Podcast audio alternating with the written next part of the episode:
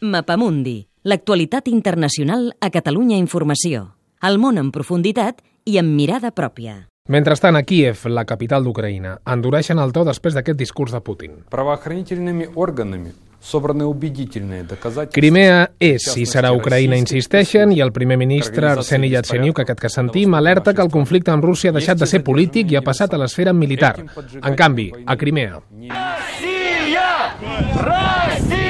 En la mateixa línia que la plaça Roja de Moscou, celebracions de les 2.000 persones que han seguit en directe la intervenció de Putin mitjançant una pantalla gegant al centre de Sebastopol.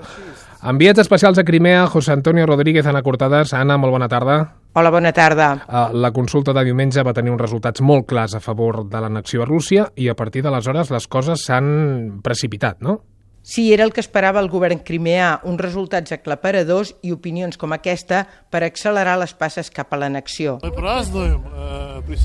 Estem celebrant que ens unim a Rússia, que tornem a Rússia per ser més exactes, perquè jo vaig néixer el 15 de febrer de 1954 i el 19 de febrer de 1954 Crimea es va unir a Ucraïna.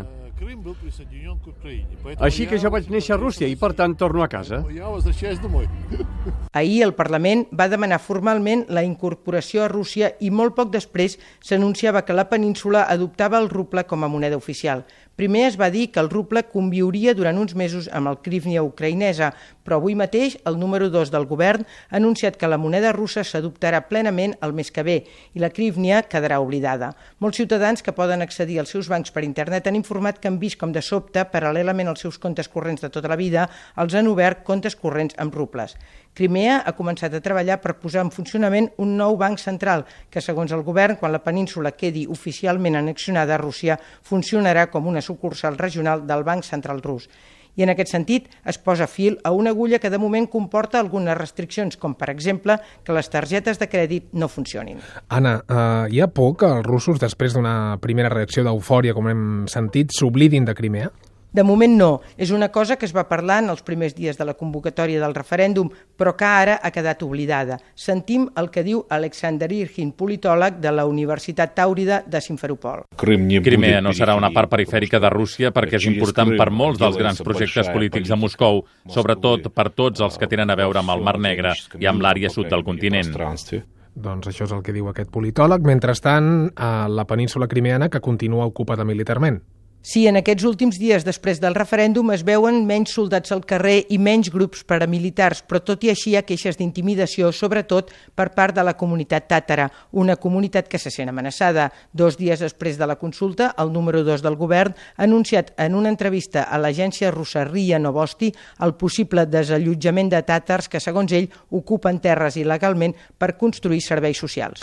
Aprofundim en una qüestió. Crimea té un 58% de ciutadans ètnicament russos i un 77% tenen el rus com a llengua materna. Era molt previsible, per tant, el resultat del referèndum i més tenint en compte que altres comunitats en demanaven el boicot.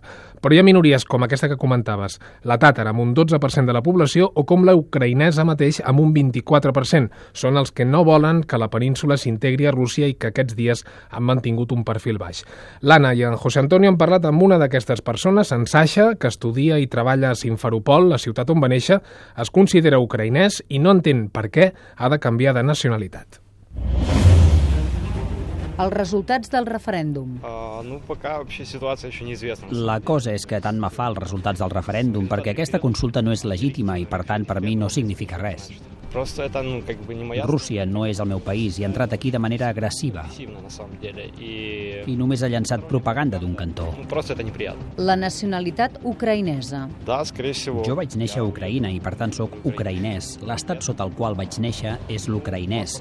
En el passaport està especificat que sóc ucraïnès, així que sóc ucraïnès. Ucraïna no accepta la doble nacionalitat, així que no renunciaré al meu passaport. La possibilitat de marxar.